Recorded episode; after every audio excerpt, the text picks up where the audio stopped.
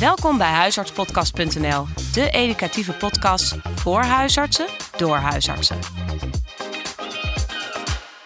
Uh, welkom allemaal. Ik zit hier met Bart van Pinksteren, huisarts in Ogenal in Utrecht en mede-initiatiefnemer van Slaapstraat. En Nienke Rauwerda, moet ik het goed zeggen, klinisch psycholoog. en uh, medewerker van de medische psychologie en somnoloog in Gelderse Vallei ziekenhuis. Um, nou, heel erg bedankt dat jullie willen meewerken aan deze podcast. Wat ik zelf een hele interessante, heel interessant onderwerp vind. Ook omdat uh, nou, het gaat over problemen die we veel voorkomen in de praktijk. En waar je soms wel het gevoel hebt dat je met lege handen staat uh, tegenover mensen. En wat vinden jullie er nog belangrijk aan? Nou, waarom het belangrijk is om de slaapproblemen te behandelen, is omdat uh, in ieder geval de meest voorkomende slaapprobleem is chronische slapeloosheid. Dat komt bijna bij 10% van de Nederlandse bevolking voor. En dat heeft een hoge associatie met een hoger risico op uh, gezondheidsproblemen, psychische aandoeningen, bijvoorbeeld angst- en stemmingstoornissen. Ehm, het gaat eigenlijk gepaard met een, uh, een grotere ziekteverzuim en hogere uh, zorgkosten. Dus in die zin is het echt belangrijk om die chronische slaaploosheid uh, ja, adequaat te onderzoeken en ook te behandelen. En daar, daarbij is de gedachte nog vaak dat medicatie daar een belangrijke behandeling in is. En feitelijk is dat juist een niet-medicamenteuze behandeling, omdat de medicatie gewoon niet effectief is. En wat mij betreft is het belangrijk dat vanaf eigenlijk het moment dat de patiënt dat meldt bij de huisarts, dat het dan adequaat wordt opgepakt. Omdat je daar eigenlijk ook dingen in kunt doen die het slaapprobleem juist kunnen versterken. Wat voor mij de, de, de belangrijkste meerwaarde is van zo'n programma, is uh, dat we eigenlijk als huisartsen, net zoals we dat bij andere klachten doen, bij hoestklachten, bij buikpijn, bij pijn op de borst, bij jeuk, dat we niet op basis van de klachten gaan behandelen, maar eerst diagnostiek doen. Aanvullend onderzoek, zo nodig, uh, misschien wat lichamelijk onderzoek. Dan een conclusie trekken, evaluatie maken en een waarschijnlijkheidsdiagnose stellen. En vervolgens pas gaan behandelen.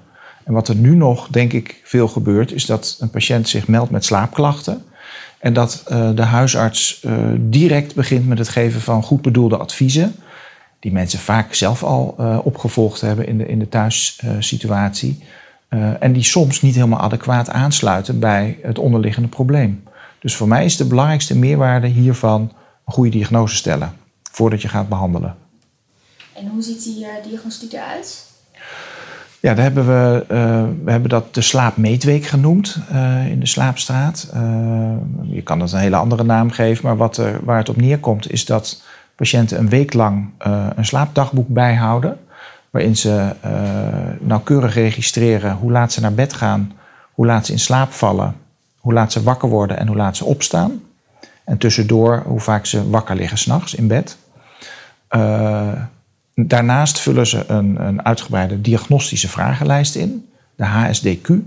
Die is uh, gevalideerd in Nederland voor slaapproblematiek. En die differentieert eigenlijk tussen zes belangrijke slaapstoornissen, waaronder insomnia, slaapapneu-syndroom, uh, rusteloze benen.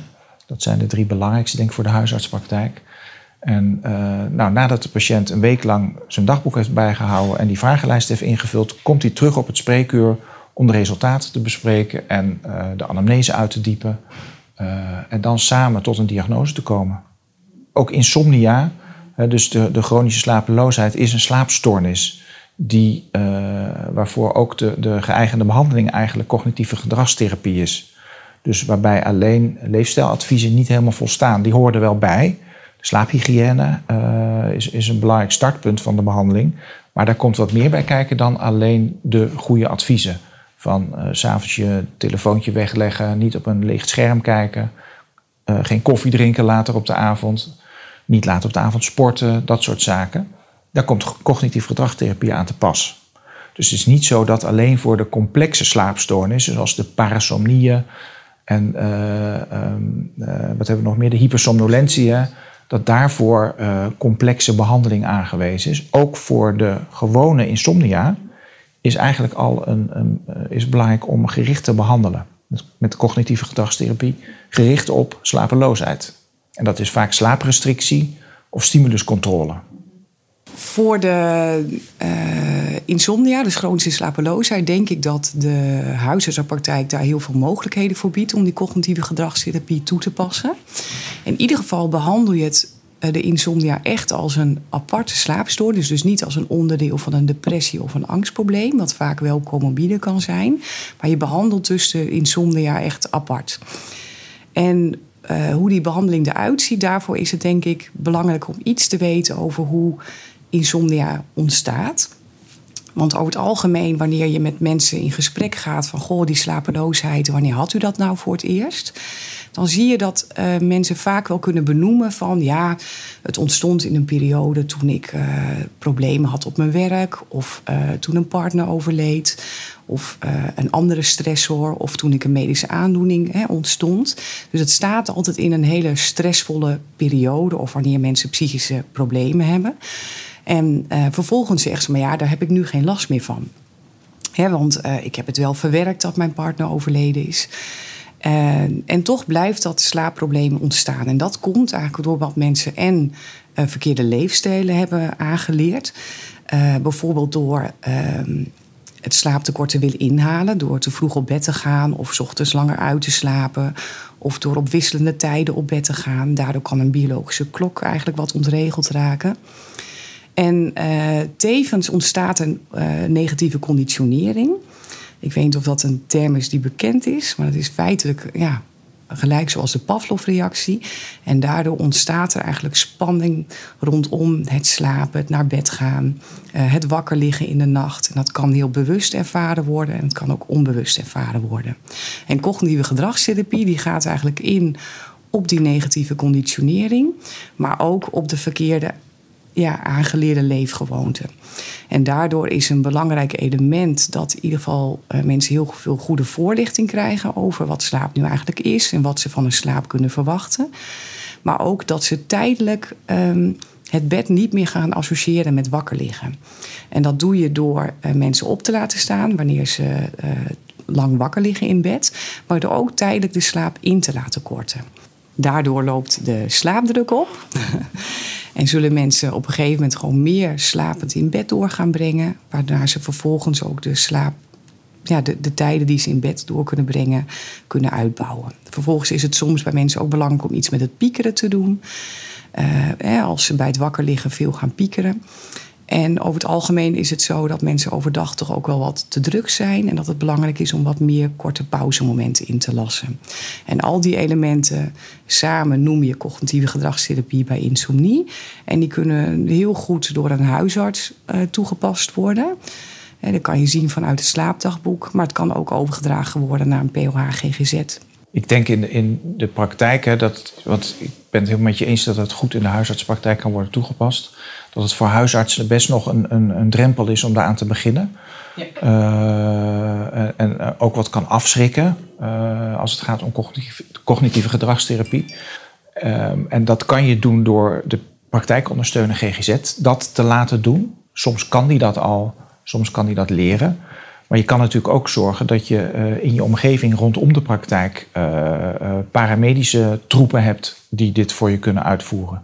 Dus ik denk dat het uh, jammer zou zijn als uh, huisartsen denken van ik ga maar helemaal niets aan slaap doen, omdat die cognitieve gedragstherapie uh, mij wat een brug te ver lijkt. Zijn, ik denk dat er echt een groep mensen is die eigenlijk aan een goede voorlichting op eigenlijk wanneer er voldoende diagnostiek is gedaan.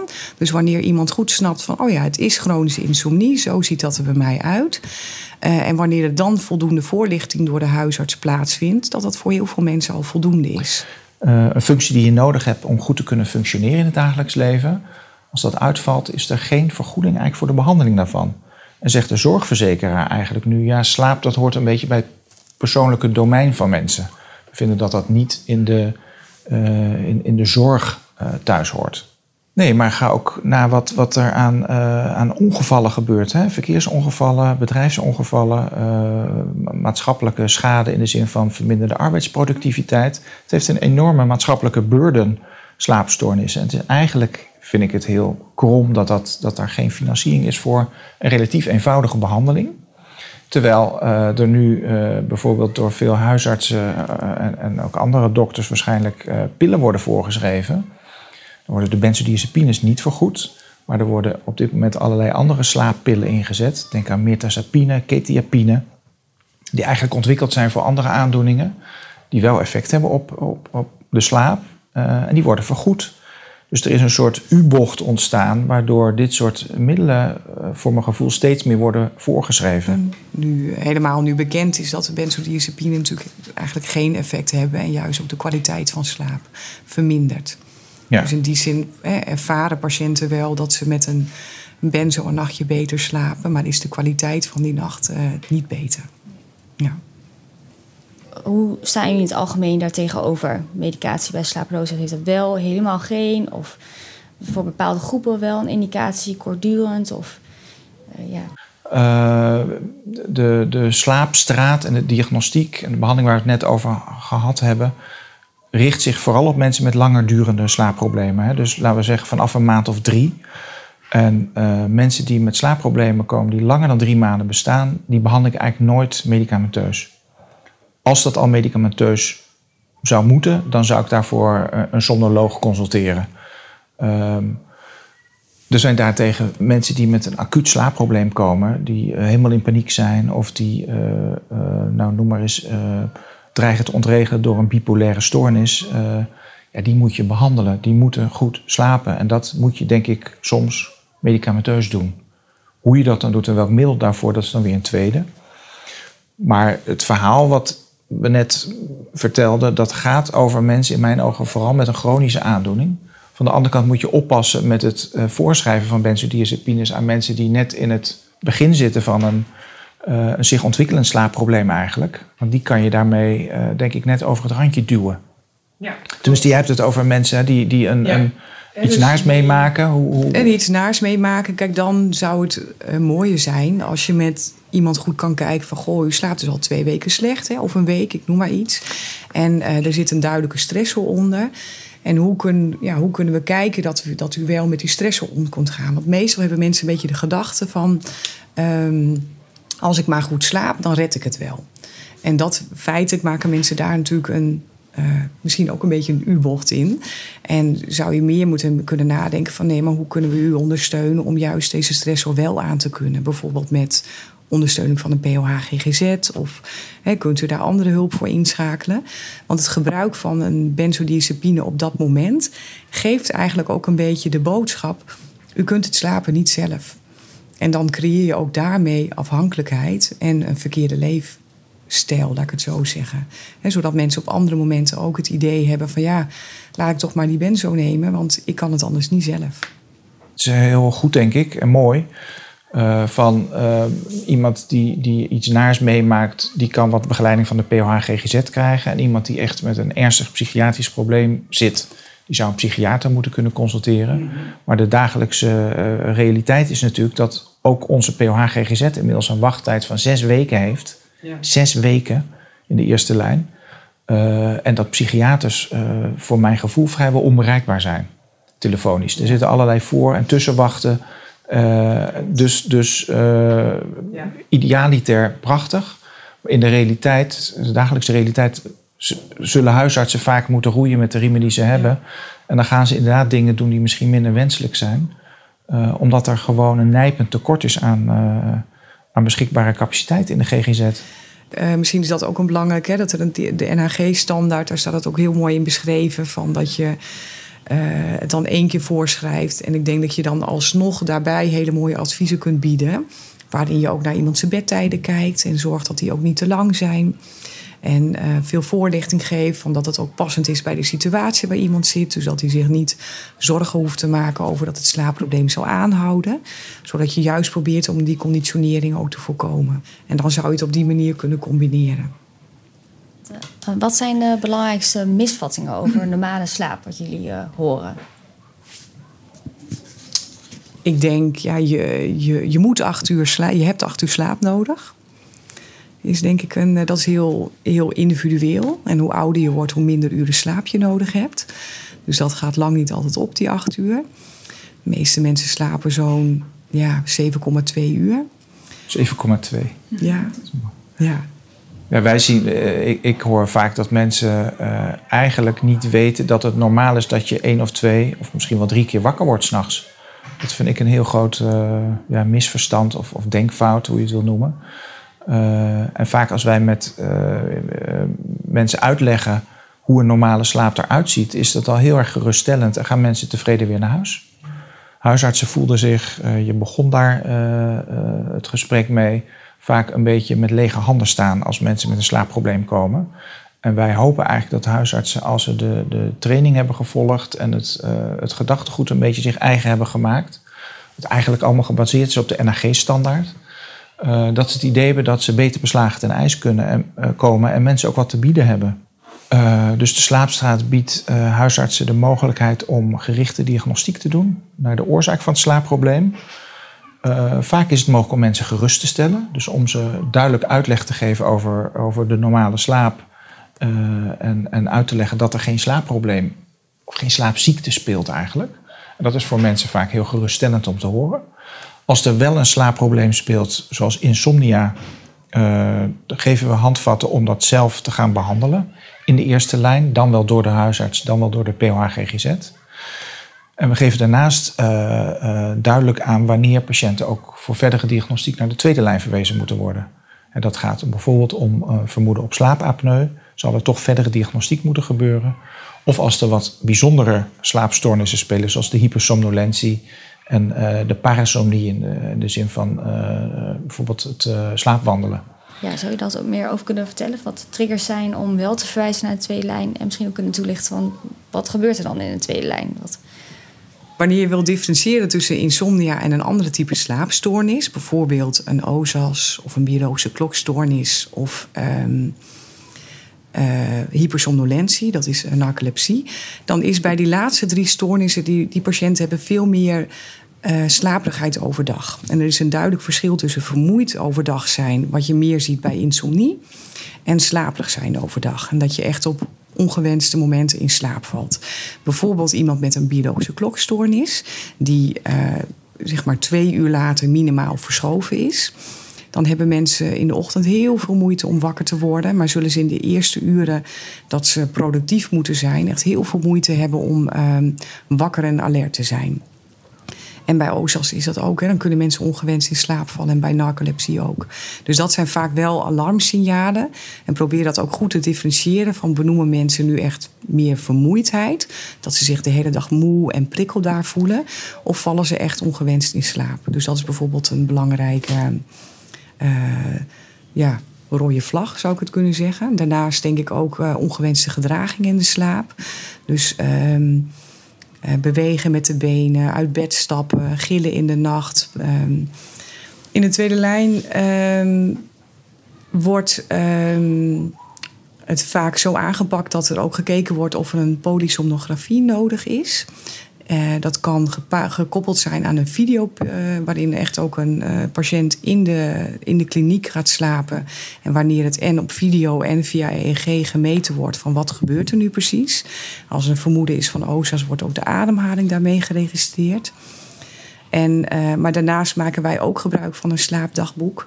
Bijvoorbeeld om een ehm, biologische klokproblemen in kaart te brengen. Of wordt er melatoninemetingen gedaan.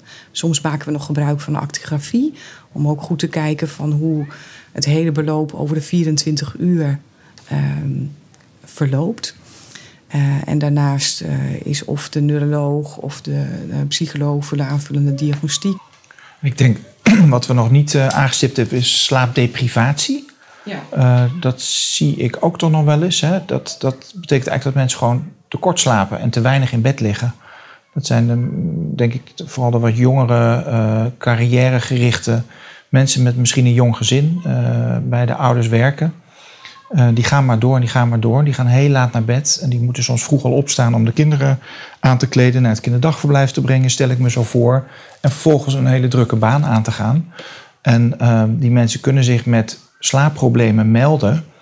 Uh, en als je niet een, uh, een, slaapdagboek laat bijhouden, dan is het heel, vind ik het heel lastig om te herkennen dat die mensen eigenlijk gewoon te kort in bed liggen. Die slapen dus wel als ze in bed liggen, alleen die slapen te kort.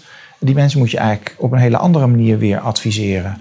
En die slaapdeprivatie kan, begrijp ik, ook bij een aantal wat complexere slaapstoornissen onderliggend klachten uitlokken. Hè? Ja. Dus ik begrijp dat jullie ook wel mensen uh, in die zin verder helpen. Bijvoorbeeld bij de parasomnieën, dat wordt vaak getriggerd door slaapdeprivatie. Dus dat mensen dan te kort in, in bed liggen en daardoor eigenlijk meer last krijgen van hun parasomnie.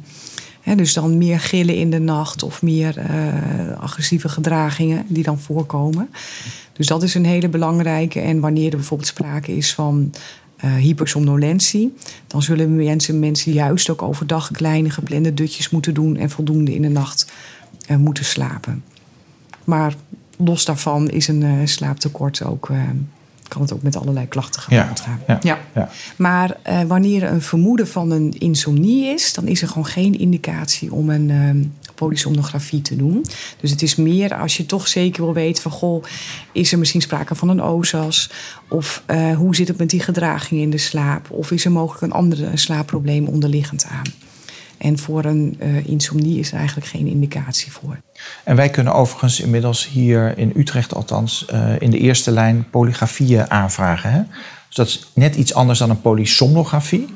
Het is, uh, het is een iets beperkter onderzoek en dat zetten we dus eigenlijk hoofdzakelijk ook in om OSAS op te sporen. Dus we kunnen met het huisarts, in het huisartslaboratorium nu een polygrafie aanvragen. Patiënt krijgt dan uh, bij Saltro de apparatuur aangemeten, gaat thuis slapen, levert hij een dag later weer in. En het uh, onderzoek wordt beoordeeld door longartsen uit uh, een van de twee ziekenhuizen hier in de stad. En ja, het verslag ligt een paar dagen later bij mij in mijn digitale brievenbus. Nou, ik vond het heel leerzaam om te horen hoe jullie daarmee omgaan. Hè? Wat, precies, nou ja, wat, je, wat wij precies kunnen doen in de eerste lijn. Wat de indicaties om door te verwijzen. Wat gebeurt er dan precies? Zijn er nog uh, dingen die jullie graag willen toevoegen? Nou, ik, wat, wat ik leuk vind om toe te voegen is dat uh, het ook heel leuk is om wat te kunnen doen met slapen. Het geeft mij heel veel voldoening als ik kijk naar hoe ik zeg maar vijf jaar geleden met patiënten met slapeloosheid omging en hoe ik dat nu doe. Dat geeft heel veel voldoening. En het is heel leuk om mensen met eigenlijk met hele concrete en hele eenvoudige adviezen uh, aan een betere slaap te kunnen helpen. Wat is het allerbelangrijkste dat jullie willen dat mensen onthouden naar aanleiding van deze podcast? Voor mij is het allerbelangrijkste als huisarts goede diagnose stellen. Klopt.